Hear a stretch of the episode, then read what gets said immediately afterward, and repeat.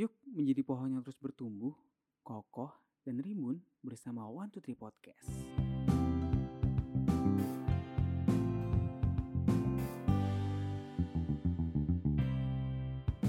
Welcome back to One Two Three Podcast. Aduh, ini luar biasa sih gue ngundang teman serumah gue yang sekarang udah jadi artis Instagram ya salam, ya salam, ya salam. Jundi Imam Syuhada ini dulu kacau banget dia tuh uh, yang gue ingat banget dari dia tuh ketika ke pasar dia itu kalau nawar tukang jual sayur gitu tuh nggak ada adabnya sama sekali. Ini ini nggak enak nih ngomong sama Ustadz nih. Iya. Jangan gitulah ya. Kita Jadi, tuh rumah dari tahun dari- 2014, eh, 2014 ya kita ya. Iya iya 14, 15, 6, 16 lu ke Madinah ya. Itu waktu itu lu langsung apa balik ke Indo dulu ya? Balik ke Indo ya? Iya, kena dulu lah. Ada yang gua inget banget. Ber... Apaan, apaan? Waktu itu lu gue baru baru beli HP kan. Gue baru beli HP. HP gue HP apa ya waktu itu? Oppo apa? Ya Oppo kalau salah. Mm-mm. Habis itu lu tuh Hmm. balik kan ke Indo buat ke Madinah. Terus lu tuh minta headset gua. Kata gua, ya udahlah, ini semoga berkah lah. Semoga buat dengerin Morotal. Lupa dulu ya biasa itu. Tapi lama banget sih kita emang nggak ngobrol Jun. Iya, lama juga terus kan juga pas lu pulang ke Indo juga kita nggak ketemu ya. Benar-benar kita nggak ketemu juga. 2018 tuh lu di Madinah nggak sih? Iya, sama ya di Madinah betul. Ya sama gue juga nggak 18. Nggak ketemu loh pas itu Ramadan juga. Jadinya pas eh Ramadan emang nggak balik ya? Lu di Saudi? Tapi lu Gimana? ketemu sama orang tua lu. Oh iya, itu akhir 2000 berapa ya? 18 ya? kali, apa 17? Lap- 18, 18, 18. 18. Seneng kayaknya. Orang tua gue seneng 18 ketemu lu. Eh, Aduh. parah lu. eh tapi lu kan eh, beberapa, lu waktu beberapa bulan lalu itu lu ngeluarin buku apa sih menenangkan diri yang lu sama Iya, apa itu orang Jogja tuh? Mas Gun. Iya Mas Gun. Kurniawan Gunadi. Iya Kurniawan Gunadi. Gue gak pernah baca sih. Cuma coba lu ceritain dikit deh. Itu buku sebenarnya tentang tentang apa? Perjalanan lu eh, menenangkan diri lu setelah berkecamuk ini Iya, kah? Atau iya kan gimana? Kita kan kita enggak sebenarnya itu bermula dari tahun 2014 ya. Hmm, hmm, 2014 kita berangkat ke Sudan lah pokoknya. Gue mulai bikin Tumblr itu ya gitu. 2014 gitu gue mulai bikin Tumblr karena apa ya sih?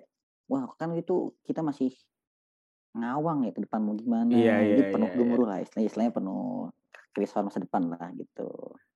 Ditambah dengan kita punya sahabat kan Oim Oh iya, waduh Ayam juga udah ini ya, bentar lagi lahiran juga dia. Ini dia nggak dengerin ini juga, cuma dia emang, gue ke Ramadan kemarin juga nelpon dia sih. Terus cerita-cerita aja nggak jelas.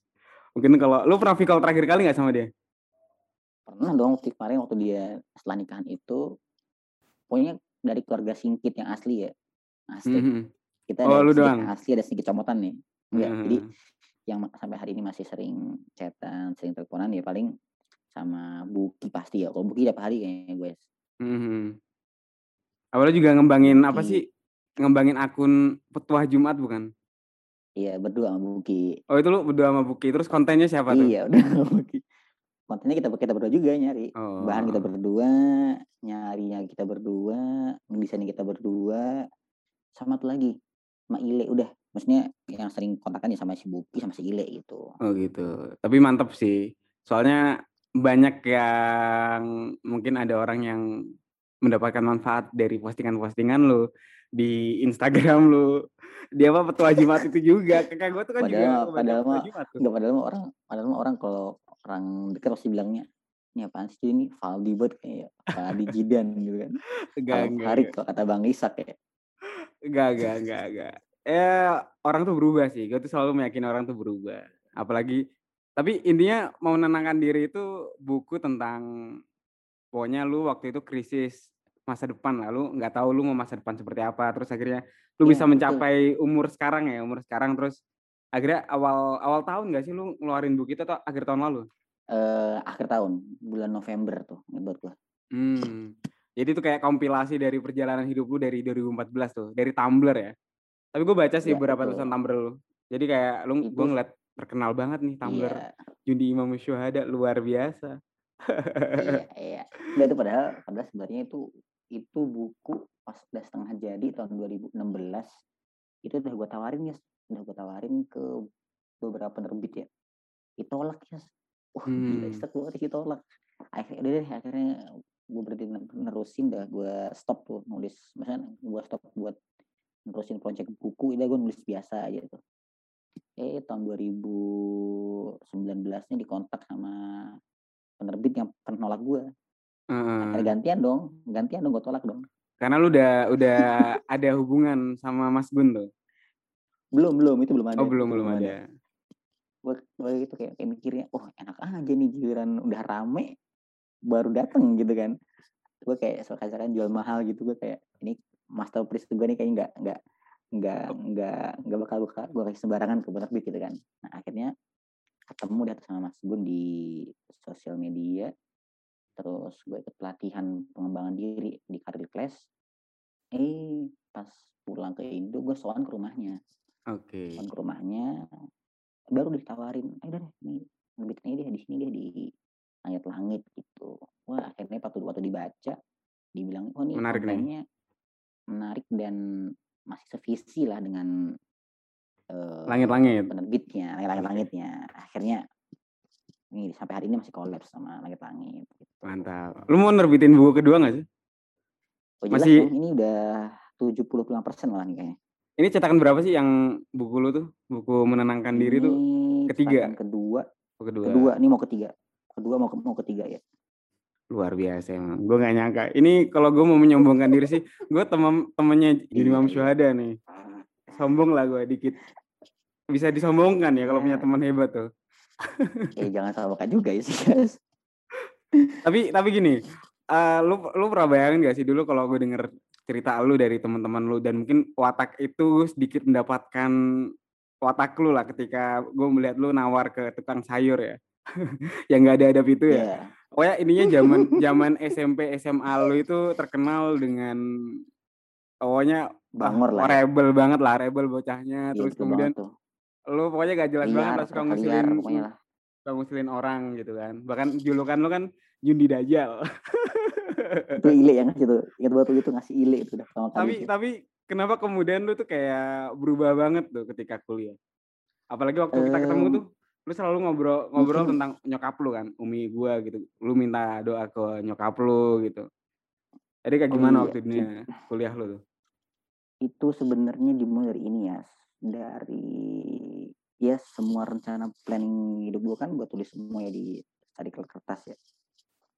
Itu banyak yang meragukan tentang apa yang gue tulis di itu Hmm. lembaran itu. Cuman nyokap gue selalu bilang udah tenang mas. Insya Allah Umi pasti doain yang terbaik yang masih dipengen selama itu baik Umi doain. Itu ada rasa Hmm. wah kayaknya ya meskipun semesta ini menolak rencana gue cuman nyokap gue orang pertama kali mengatakan Umi pasti doain Bisa memenangkan semesta tuh menolak berarti. kita." iya Satu orang kayak bisa merubah takdir. iya itu kayak kayak kayak meskipun langit mau runtuh ya bumi Hmm. terbelah gitu itu kayak seakan-akan tuh gue kayak satu orang doang itu seperti langit kembali terangkat bumi kembali merapat jalan kembali meluas itu dari situ sih dari dari gue itu gitu Tapi hubungan lu sama nyokap berarti sangat-sangat baik dong berarti. ya? oh sangat sangat sekali ya Sering lu kalau Karena- seminggu nih, seminggu atau sehari itu, lu pasti nelpon gak sih nyokap atau bokap lu gitu? Hmm, kalau sehari pas nggak sih enggak cuman kalau chatting ya Tapi kalau seminggu, iya, semi- kalau seminggu kita udah berapa kali lo nge call apa seminggu call biasa? tiga empat kali lah Wow, gua aja Tergantung seminggu ya, sekali, dua tergantung- minggu sekali. ya sebenarnya tergantung juga ya tergantung kan kan umi gue kan juga di yayasan ya sibuk Hmm, sebagainya sibuk. kadang ya, saya juga juga sering hari ini gue chatting tiga hari lagi baru dibalas Wow.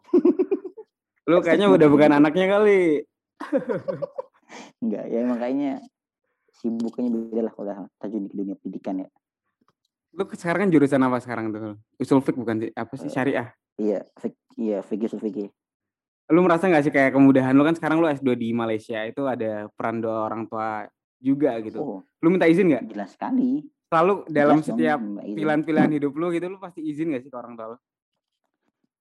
Iya dong ya, kayak kemarin nih, kayak kemarin gue sebenarnya keterima di Yaman, Mhm. keterima di Yaman di Wukala. Cuman pas gue bilang ke nyokap gue, nih Mas ini mau ke Yaman, oh langsung ya spontan. Nih gue bilang, aduh Mas, jangan deh Yaman deh, perang. Nanti kan yang tergambar kan perang ya, padahal muka kan daerah yang aman gitu loh. Mhm. Cuman waktu gue tanya, udah ini Umi, gimana nih? Soalnya planning Mas Undi ya paling deket yang diterima di Yaman. Tapi Umi gue bilang, udah Mas, cari yang lain dulu aja deh, nggak apa di ini aja diikhlasin nyamannya gitu. Ya udah ya, gue ikhlasin nyamannya, gak gue ambil deh. Gue cari lagi itu, akhirnya keterima gitu di Maroko sama di Malaysia. Eh, yang Maroko lockdown. Ya udah akhirnya Malaysia. Malaysia dulu deh. Gitu. Tapi mungkin itu apa ya? Kalau kata nyokap gue juga, nyokap gue kan juga dibilang, Mas kalau mau S2 udahlah nggak usah nggak usah keluar negeri lagi kayaknya. Paling jauh paling Malaysia. Kayak ada trauma gitu. Jadi di Sudan dengan sudahnya nggak jelas gitu. Guanya nggak jelas. Jadi kayak orang tua gue juga, lu kalau mau jauh lagi, lu paling jauh ya di Malaysia doang. Mungkin itu Nggak, nggak. orang orang tua lu tuh pengen deket sama lu juga nggak sih? Mungkin di Malaysia tuh. Eh, enggak sih kalau kalau prinsip prinsip Umi Abi gue itu pokoknya selama anaknya itu perginya bener buat buat Hmm. sesuatu yang bener ini tujuannya bener ya udah diikhlasin mau ke mana aja silahkan pergi yang penting tanggung jawab sama pilihan tapi emang itu sih prinsipnya mau adik gue ambil IPA mau ambil IPS pasti dibilang kayak gitu tanggung jawab sama pilihan yang, di, yang diambil itu pesen setiap lebaran di Fitri itu Bosen nggak lu dengerin? kalau dibilang bosan sih ya pasti itu Dikit-dikit lah. terus diulang-ulang ya Iya, iya, iya. Tapi emang membekas sih. Kita tuh kayak kemudian ngesuges kita di bawah sadar aja sih. Jadinya kayak ya Iya, udahlah betul emang walaupun bosan tapi akhirnya kita lakuin nggak sadar gitu. Tapi emang gue ngeliat lu tuh apa ya termasuk orang yang lurus sih ya, lurus.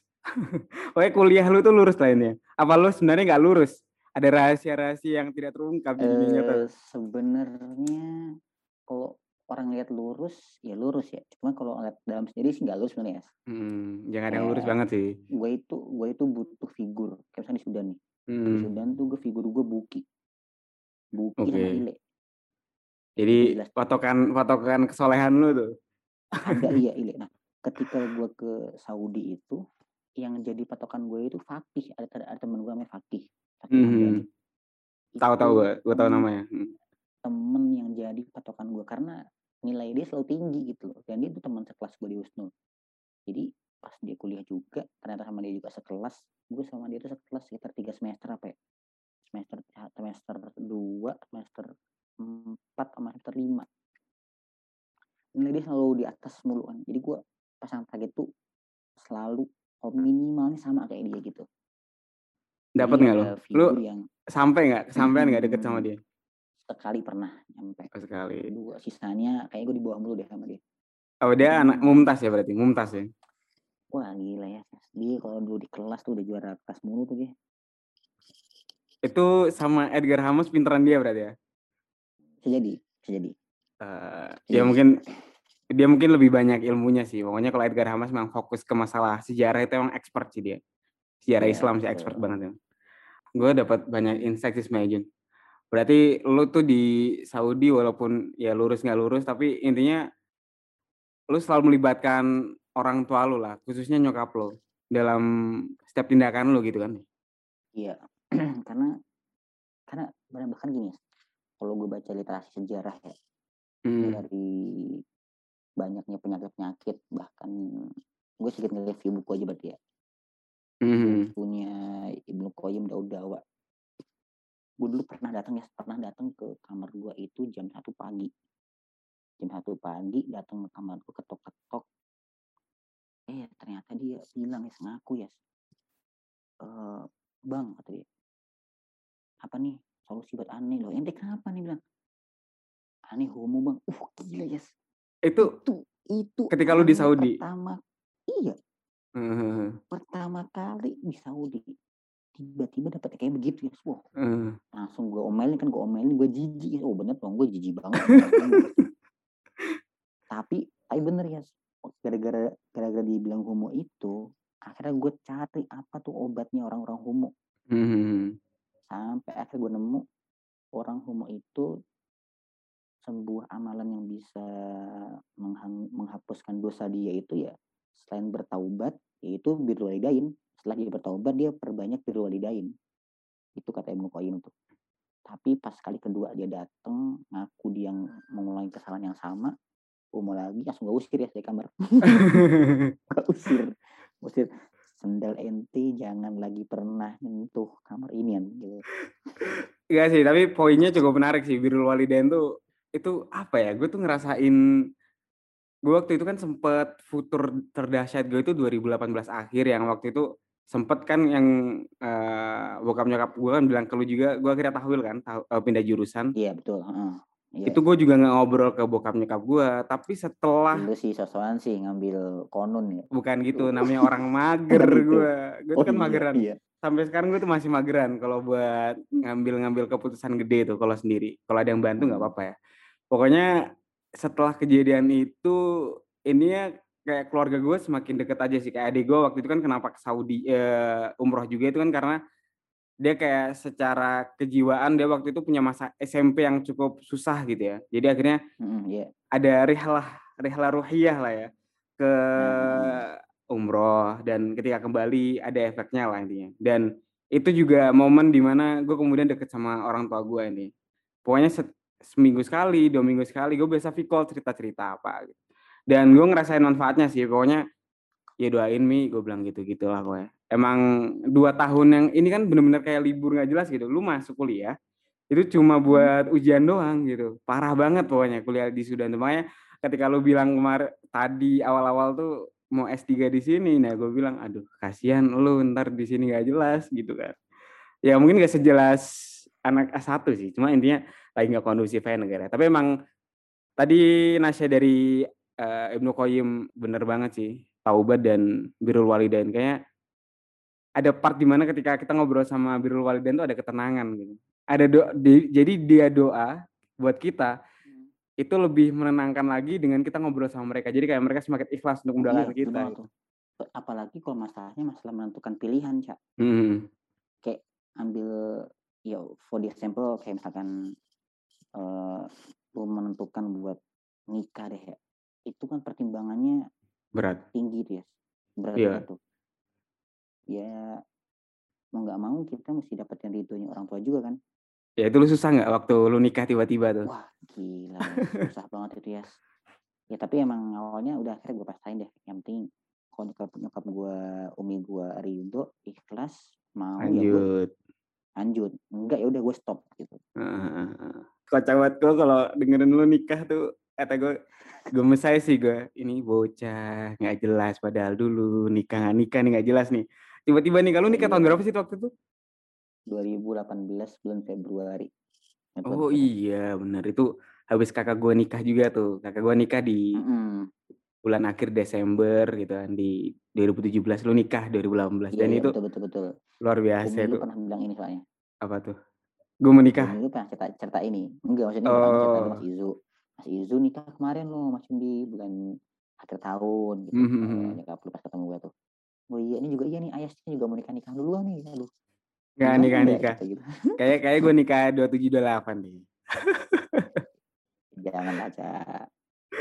Uh, pokoknya gue dapat insight banyak sih Diru dari masalah tadi buku lu yang tapi intinya sih gue pengen inti dari buku lu itu sebenarnya apa gitu kalau gue ngebaca itu buku lu gue apa yang bakal berubah dari diri gue gitu yang lu harapin dari penulis sebenarnya sebenarnya itu lebih self healing ya oh self healing kayak self membaca diri sendiri gak sih?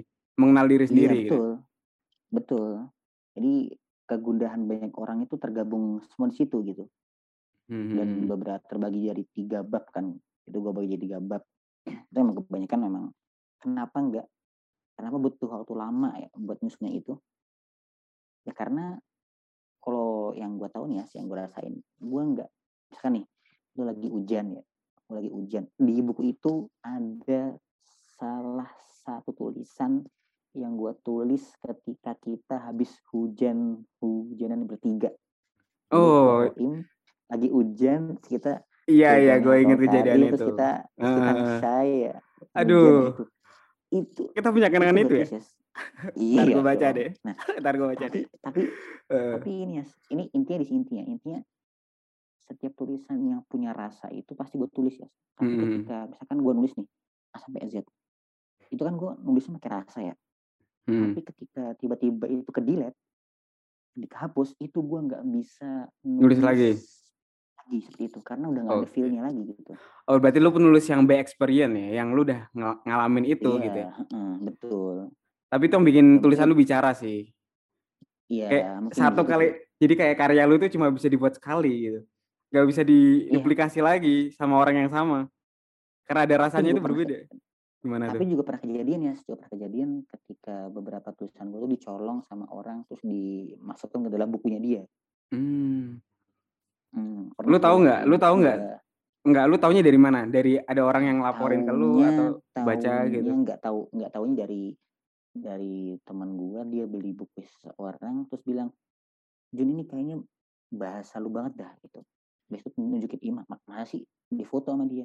Ternyata di bagian pembukaan dan bagian penutupnya itu make satu pembahasan tuh yang pernah gue tulis gitu loh. Akhirnya gue Mmm. tentu dong habis itu kan di gue tuntut ya, tuntut ya mesti dihapus dong. Itu kan bukan karya dia gitu. Bukan bukan hak dia. Tapi ketika ya ya tapi gimana lagi ya, ketika udah dijadikan sebuah buku ya otomatis itu menjadi hak karya dia dong yang telah menerbitkan Bener di bener sih. Dan waktu itu lu belum punya buku ya? Lu belum punya buku waktu itu juga ya? Belum belum. Makanya akhir tuh setelah itu udah deh daripada nanti cekcok akhirnya itu gue hapus dari daftar pembahasan gue di buku itu. Ya mau nggak mau sih gitulah, gimana lagi orang udah punya Aduh ngalah ya. Tapi nggak apa-apa ngalah sih, yang penting kalau ikhlas barokah lah. Yang penting berpahala.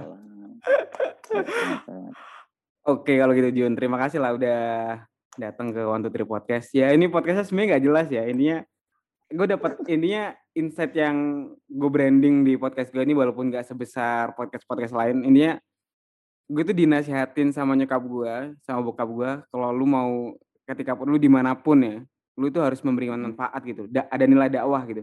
Tapi gue bilang, Iya. gue pengen tuh dakwahnya nggak terlalu yang terlalu islami banget, gue bilang. Akhirnya gue ngebuat ini gitu, intinya yang namanya birrul walidain, cinta orang tua, membangun orang tua itu kan sebenarnya Mhm. nilai Islam yang sebenarnya juga diadopsi sama nilai universal gitu. Jadinya gue pengen betul. menutupi itulah, yang penting niatnya lillahi ta'ala. Itu deh pokoknya Ustadz Jundi. Eee, sebenarnya juga ini sih sebenarnya ya, kayak hari ini kan kita sebenarnya juga mengalami ini ya, krisis krisis adab ke orang tua kan berat Mhm. banget. Ya Bener. kotor-kotor HP, gara-gara HP kita jadi gak punya adab sama orang tua, ya biarlah pertemanan yang salah. Ya mungkin pembahasan tentang orang tua ini akan selalu relate dari setiap zaman ke zaman. Nggak banget, bener pernah bener. bisa hilangkan gitu. Karena setiap zaman maju otomatis permasalahan semakin baru dan pasti ada Mhm. hubungan sama orang tua, gitu. Bener banget sih, itu pasti bener banget. Tapi nanti tuh orang bakal sadar sih, mereka bakal ngebutuhin orang tuanya gitu. Tapi nggak tahu ya kalau iya batu, jelas. nggak tahu kalau batu ya. Tapi kalau gue sih udah udah di masa di mana gue tuh ngambil keputusan butuh cerita ke orang tua karena kayak gue merasa ada ketenangan aja gitu kalau cerita ke mereka. Iya, betul. Tapi di beberapa case yang pernah gue sering dapetin ya, kan gue sering buka Q&A ya di tiap hari, Mhm, biasanya kalau kalau Sabtu Minggu lah. Mhm. Cuman jarang-jarang sih. Kebanyakan pasti ada yang nge-curhat kayak, "Aduh Mas Jundi, saya cerita ke orang tua saya malah jadi omongan tetangga." Tuanya yang malah cuma Ya itu malah ibu ke tukang sayur itu, itu ibu ibu-ibu tukang sayur ya. Jadinya dia kayak curhat ke tetangga. Teh, Tapi dari situ gue ada gimana? poinnya ya, situ Mas poinnya. Poinnya itu, eee, nikmat terbesar itu ketika kita dapet orang tua yang bener-bener ngejaga rahasia kita, Mhm ngasih mhm. kita solusi, tapi dan nggak nyebarin itu gitu loh. Mhm mhm. Itu itu menurut gue rezeki rezeki anak gitu ya. Tapi kalau rezeki orang tua ya berarti anak yang selalu perhatiin ke orang tua, nah itu rezeki orang tua banget tuh, gitu. Iya, pokoknya terima kasih nasihatnya Ustadz Jundi Ya Imam gitu Syuhada. Iya, nggak apa-apa, gue nih manggil Ustadz, nanti kalau kita kita ketemu lagi nggak gue panggil Ustadz. Kita kan nanti nanti buat reuni ya, reuni rumah, atau sih nggak bakal jadi Reuni kayaknya. singkit reuni singkit. Pokoknya makasih Jun ya udah hadir di podcast gue. Oke, Yas. Oke, terima kasih. Kita ketemu lagi di podcast selanjutnya. Bye bye.